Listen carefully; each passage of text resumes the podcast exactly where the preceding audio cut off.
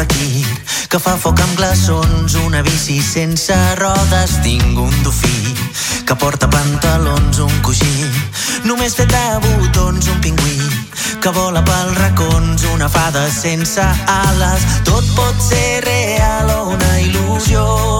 Si vols t'ho explico, sóc el rei de la imaginació.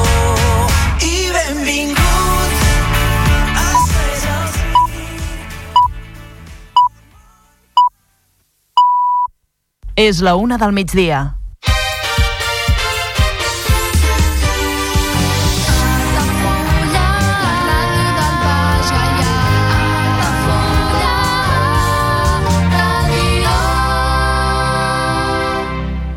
Altafulla Ràdio. Serveis informatius.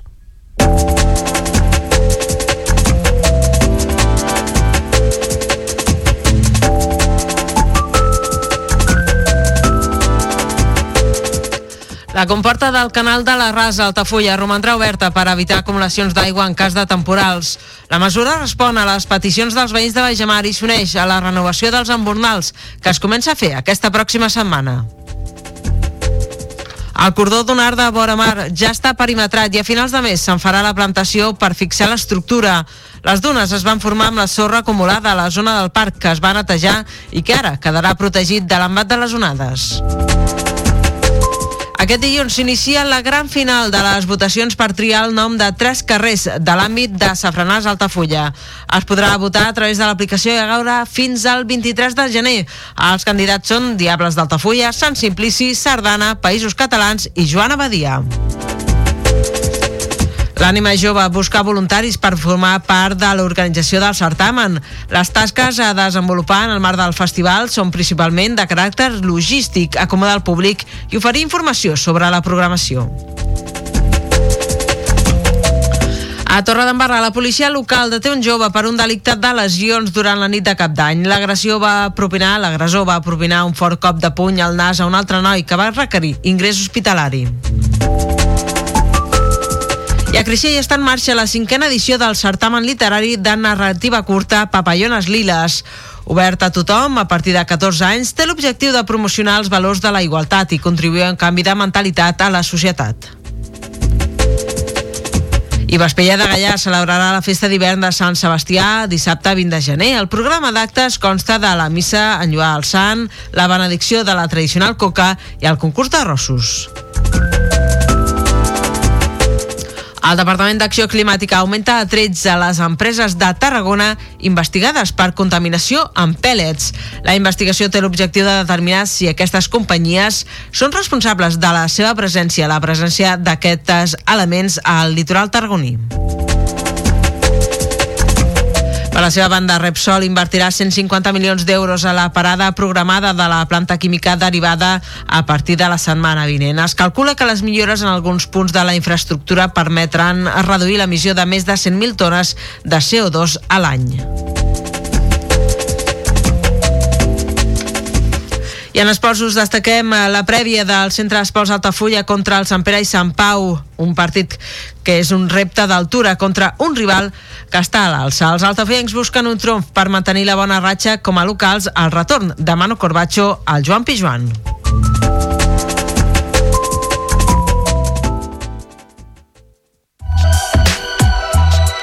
Altafulla Mar Hotel. Esdeveniments familiars, comunions, batejos i casaments i reunions d'empresa. Sales privades amb llum natural, terrassa i accés al jardí, des de 10 fins a 200 assistents. Altafulla Mar Hotel, el teu espai de confiança per a les teves celebracions familiars al barri marítim d'Altafulla. Demana pressupost sense compromís trucant al 977 65 11 55. Altafulla Mar Hotel. Altafulla Mar Hotel patrocina l'informatiu.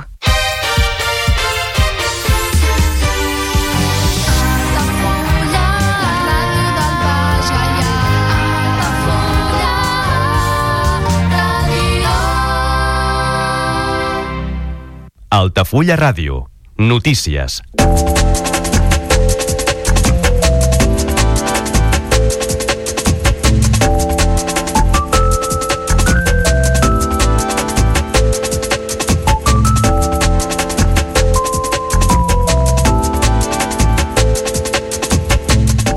L'Ajuntament d'Altafulla, d'acord amb l'empresa d'aigües d'Altafulla, ha decidit finalment obrir la comporta del canal de la Rasa que desemboca al mar a l'alçada de la plaça Consulat de Mar d'Altafulla, tocada al parc de Vora Mar. Es tracta d'una mesura llargament reclamada pels veïns de Bajamar que cada temporal de pluja que es patia a la vila veien com el canal frenava la sortida d'aigua i, per tant, contribuïa a greujar els efectes de les inundacions al barri marítim.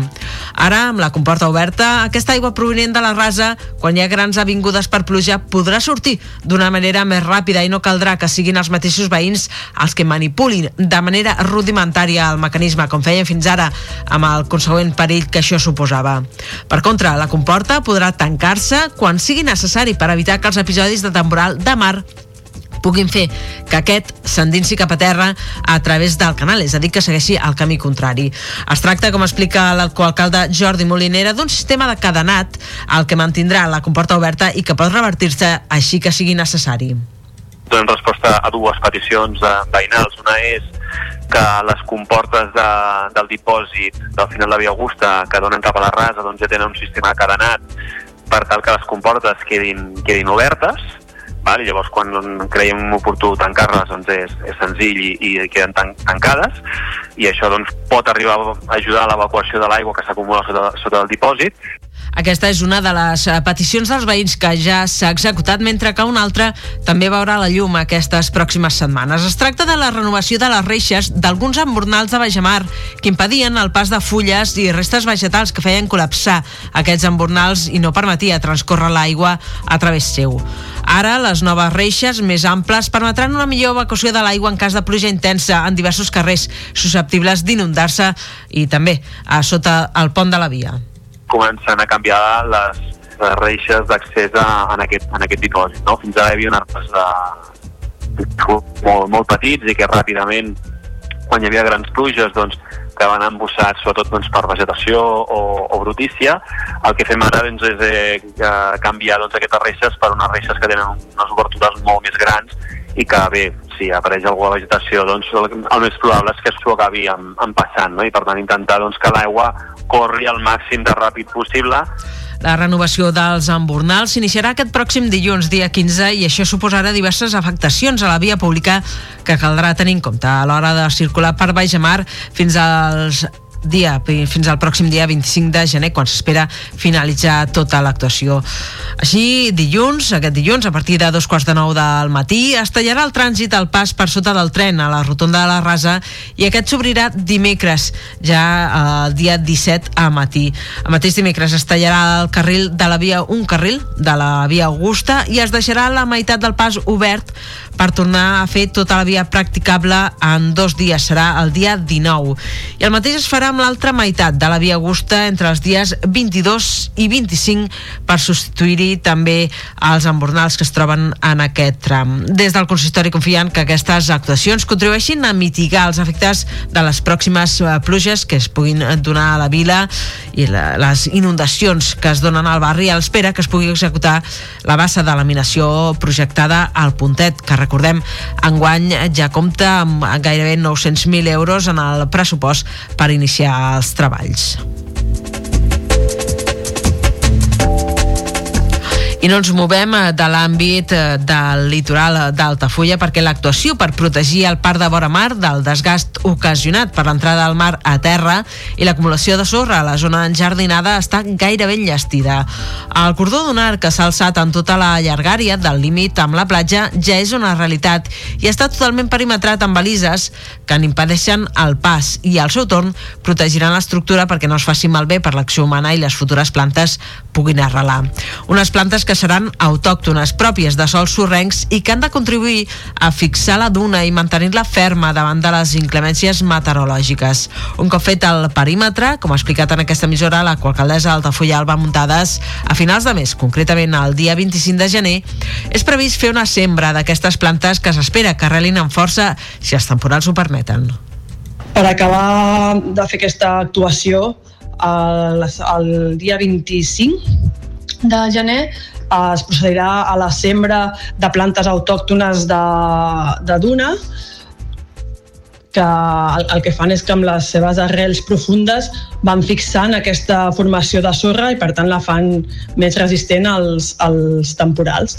i d'aquesta manera doncs, s'acabarà doncs, l'actuació la, de protecció del parc del Boramar, que si el temps es manté estable i les llevantades ens respecten, doncs aquesta, aquesta vegetació podrà, podrà acabar de, de fixar.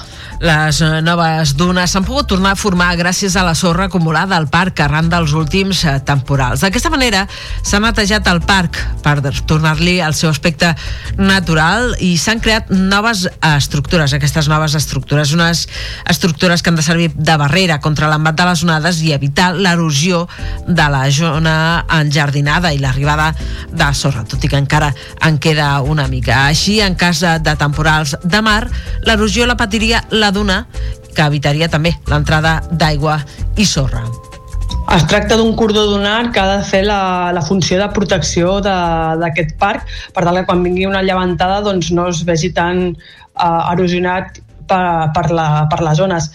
El fet és que aquestes zones, en lloc d'erosionar el parc, doncs, presumiblement erosionaran aquest cordó dunar i caldrà un manteniment. De, després de cada temporal que, que malmeti aquest cordó, doncs s'haurà de tornar a reperfilar a, a aquestes dunes i si cal també a vegetar aquells punts on s'hagi perdut més la vegetació. La creació de dunes forma part de les mesures establertes al Pla de Gestió de la Platja que va iniciar-se al mandat anterior i que ara es recupera després d'un impàs en què no se n'havia fet manteniment. Ara, a més, aquestes estructures s'allarguen per tot el límit del parc amb la platja, des del final del passeig fins al restaurant. Igualment, s'ha creat un pas cap a la sorra a la meitat del parc, a més de poder-hi accedir pels seus extrems.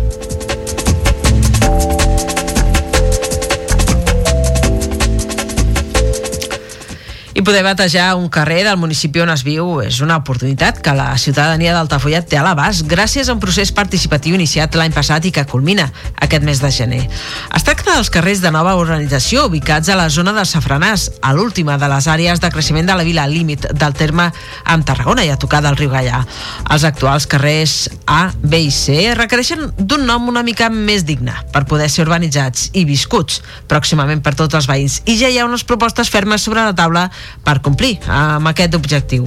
L'última passa és destriar tres noms d'entre els cinc finalistes sorgits de les votacions anteriors a través de diverses fases. Una primera, de pluja d'idees, on tothom qui va voler va portar la seva proposta de lliurament.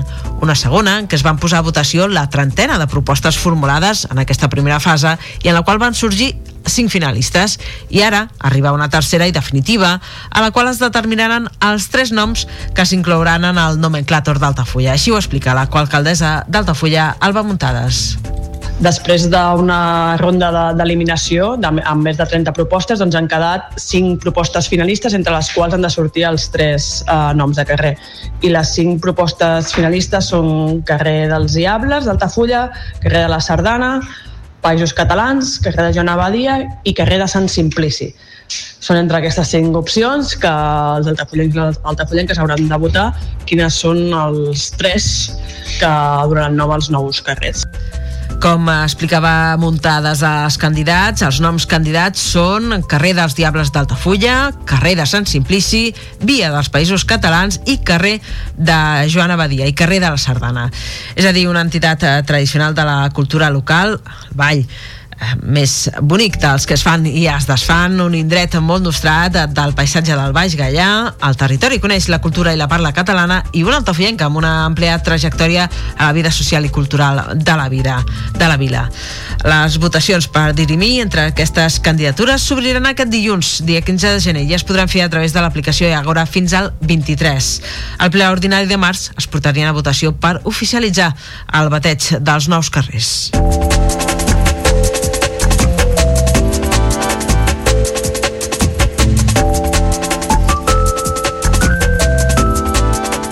En un altre ordre de coses, us expliquem que el Festival Internacional de Curtmetratges d'Animació d'Altafulla, l'Ànima Jove, requereix de voluntaris per donar cop de mà a la seva organització. És per això que els seus responsables han fet una crida a través de les xarxes socials per trobar aquell qui desitgi col·laborar-hi i alhora a més, gaudir d'una experiència enriquidora. Doncs també podrà veure totes les projeccions de manera gratuïta. Es busquen persones majors d'edat, no importa si més joves o més grans, que siguin amants del cinema i que desitgin contribuir a tirar endavant una bona iniciativa cultural. N'ha parlat en aquesta emissora el codirector de l'Ànima Jove, Joan Rabinat. Busquem de totes les edats, no cal que siguin joves. Vull dir que que estigui disposat a venir a ajudar i podrà veure les pel·lícules gratuïtament perquè quan, quan posem les pant la pantalla oberta ja es podran seure i, i veure les sessions així que estan convidats a tothom que vulgui participar a ser voluntaris. Respecte a les tasques que caldrà fer per part dels voluntaris, no requereix cap experiència prèvia concreta, ja que tan sols es tracta d'ajudar en la preparació de les sessions, donar suport a qüestions logístiques i fer l'acomodament del públic, tot indicant-nos on eh, poden seure i oferint-los els eh, fulletons informatius sobre els films programats en cada sessió. Acomodar una mica el, el, els espectadors que vinguin, eh, facilitar una mica el moviment de gent, eh, donar doncs, el, els eh, fulletons que donem amb les explicacions de les pel·lícules, ajudar-nos una mica amb la logística també d'aquells dies, eh, doncs, si hi ha la secció infantil doncs, està pendent també dels infants, eh, tot, tot, tot una mica ajuda, ajuda en aquells dies que, que no ho podem tocar tot, no ho podem fer tot. L'ànima jove tindrà lloc els dies 26 i 27 de gener al casal municipal La Vileta i, per tant, per ser-ne voluntari cal tenir, lògicament, disponibilitat en dos dies. Qui n'estigui interessat ha de posar-se en contacte amb els organitzadors a través d'un formulari que es pot trobar a la xarxa social Instagram del certamen, arroba Ànima Jove Fest.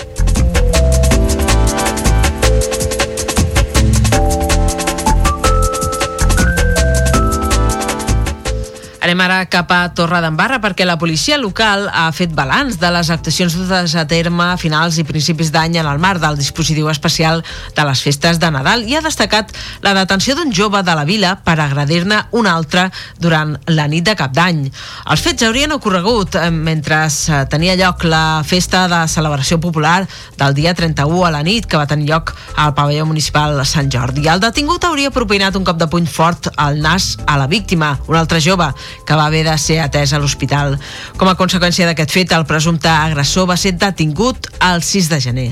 Per altra banda, el mateix dia de Reis, el mateix 6 de gener a la tarda, la policia local va dur a terme un control a un total de 24 vehicles i es van interposar sancions per tenir la ITV caducada, també per no dur correctament eh, posada una retenció infantil, també per tenir un permís de conduir estranger no convalidat i també denúncies per drogues, en aquest cas una per cocaïna i una altra per cannabis. També es va immobilitzar un vehicle i es va instruir a un conductor de ciclomotor per no haver obtingut mai el permís de conduir.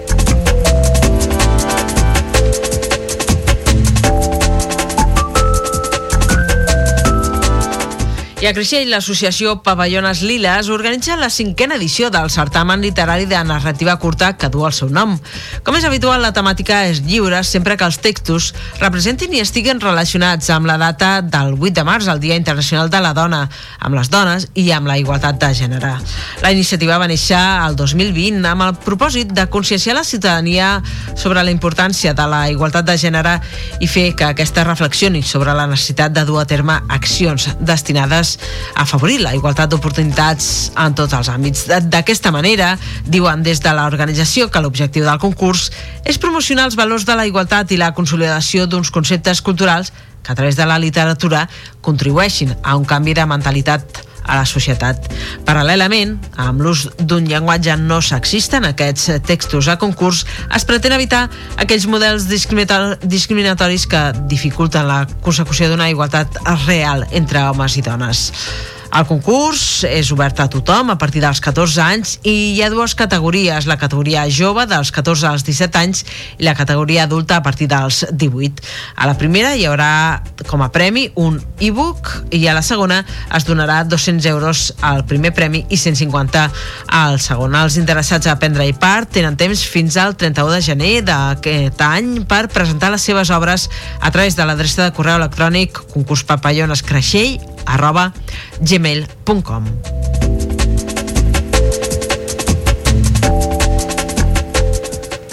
I anem ara cap a Vespella de Gallà, que celebrarà el cap de setmana vinent la festa d'hivern en honor a Sant Sebastià.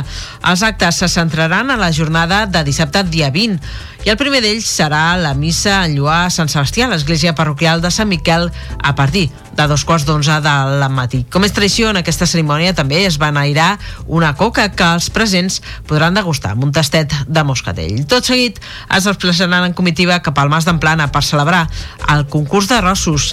És una proposta ja clàssica per aquestes dates també. L'acte començarà a dos quarts de dues amb l'inici de l'elaboració d'aquests arrossos que participaran al certamen. Una hora després, cap a dos quarts de tres, els cuiners hauran de finalitzar les seves elaboracions perquè el jurat popular pugui tastar i puntuar cadascuna de les propostes. Hi haurà premis patrocinats per l'Ajuntament pel primer, el segon i el tercer millor arròs i també per la millor presentació. I tot seguit, a les 3 de la tarda, els comensals podran ja seure i començar a tastar aquest arròs. Els interessats a participar al concurs tenen temps per apuntar-s'hi fins al 18 de gener. S'han de dirigir a l'Ajuntament de Vespella.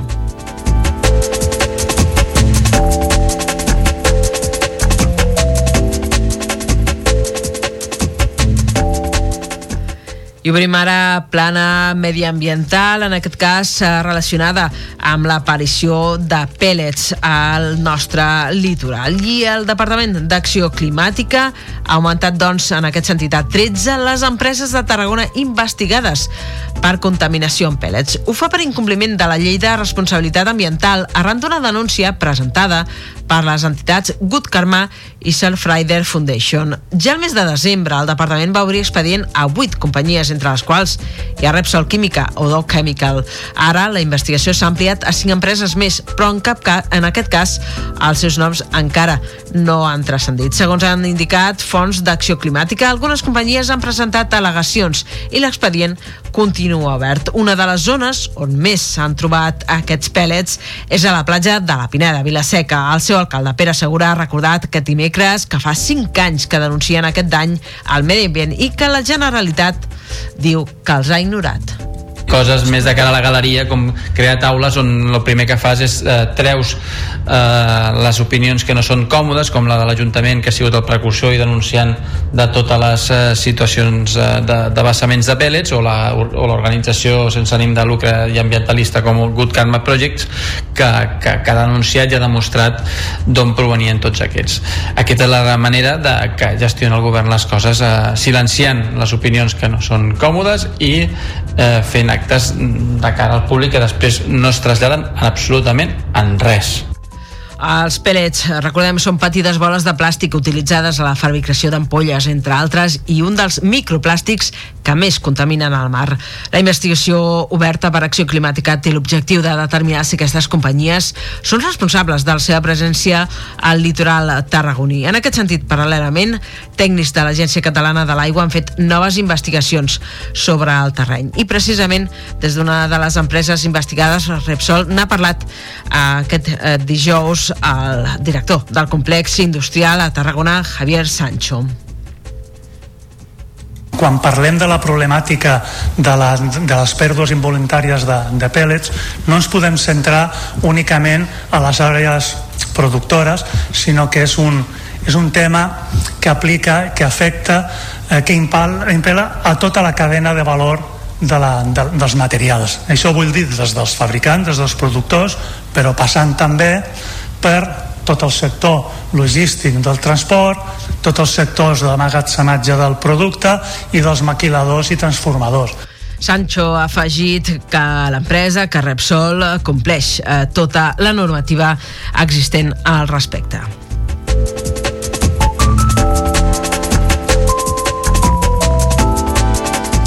Precisament eh, Repsol ha presentat la parada programada de la planta de química derivada que començarà la setmana vinent i que durarà 50 dies.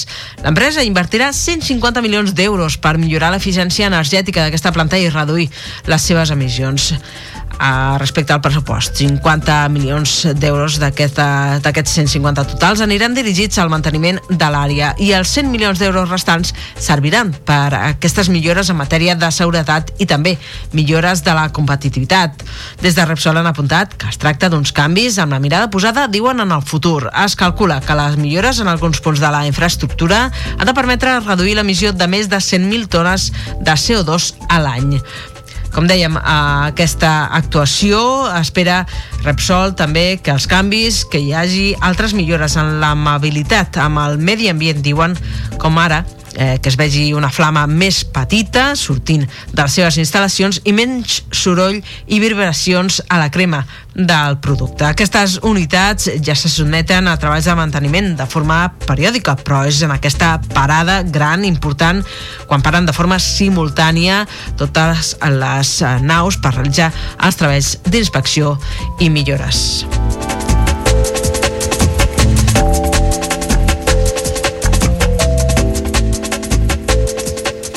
I obrim ara, com és habitual, els últims instants de l'informatiu a plana esportiva i comencem parlant del Centre Esports Altafolla, que enceta aquest dissabte al 2024 amb un partit d'altura i màxima dificultat davant del Sant Pere i Sant Pau és el tercer classificat abans d'arribar a l'inici de la jornada 14 del grup 3 de tercera catalana.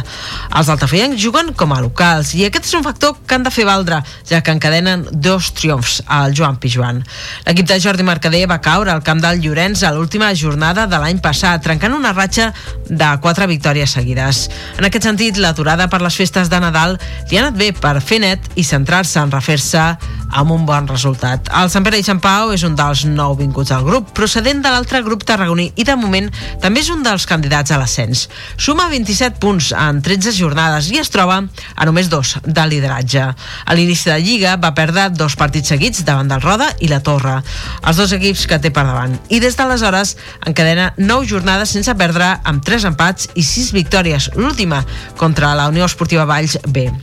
A partit entre Altafulla i el Sant Pere i Sant Pau com és habitual amb els partits que juga al Centre Esports Altafulla a casa nostra, es podrà escoltar en directe en aquesta emissora Altafulla Ràdio a través del 107.4 de la freqüència modulada de les diferents maneres que teniu de seguir-nos en directe. I per a la seva banda, a l'Altafulla femení estrena el nou any amb un duel directe al camp del Constantí, on s'enfronten el segon i el quart classificat respectivament, separats només per dos punts. És un partit important per mantenir la segona posició i seguir prop del lideratge, però encara ho és més per demostrar que poden plantar cara els altres eh, candidats. Les abelles van vèncer l'últim partit contra el Tarco B en el duel anterior, però van perdre contra la Riera en un compromís en què van ser clarament inferiors, tot i que el marcador no ho evidenci així. Va ser un marcador de 2 a 1 a favor de la Riera. Va ser la primera derrota del curs i va suposar la pèrdua de la primera plaça.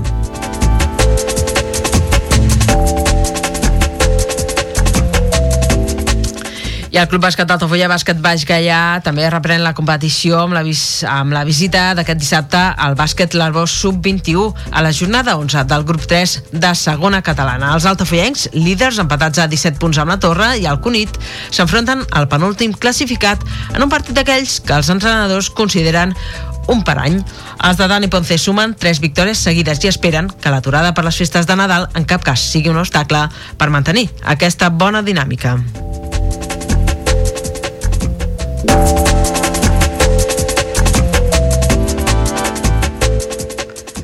Doncs amb aquests apunts eh, de les prèvies del cap de setmana respecte a futbol i a bàsquet, nosaltres posem el punt i final aquí a l'informatiu d'aquest divendres 12 de gener de 2024, com sempre en directe al 107.4 de la FM, de la freqüència modulada, en directe també per la televisió o per l'aplicació per telèfons mòbils Android, també al nostre web www.altafullaradio.cat. Igualment, eh, recordeu que teniu eh, disponibles, eh, actives, el perfil d'Altafulla Ràdio a les xarxes socials Facebook i X, Twitter, per portar-vos l'última hora del que passi a casa nostra. Res més, des d'aquí, des dels estudis d'Altafulla Ràdio, al carrer Marquès de Tamarit de la Vila, tot l'equip que fem possible aquest programa us saluda ben cordialment, en especial una servidora que us està parant en aquests moments, la Carol Quota, que us envia una forta abraçada. Ens retrobem a les pròximes edicions de l'informatiu d'aquesta casa que vagi molt bé el dia, que vagi molt bé el cap de setmana. A reveure!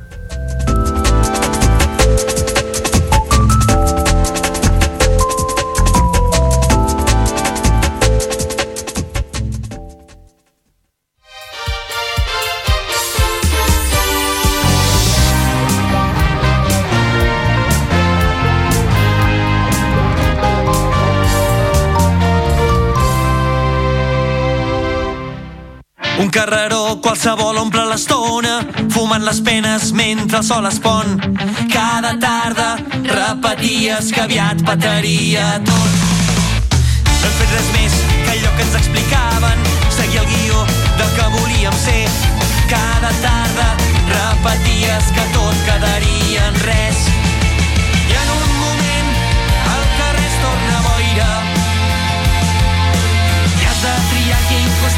de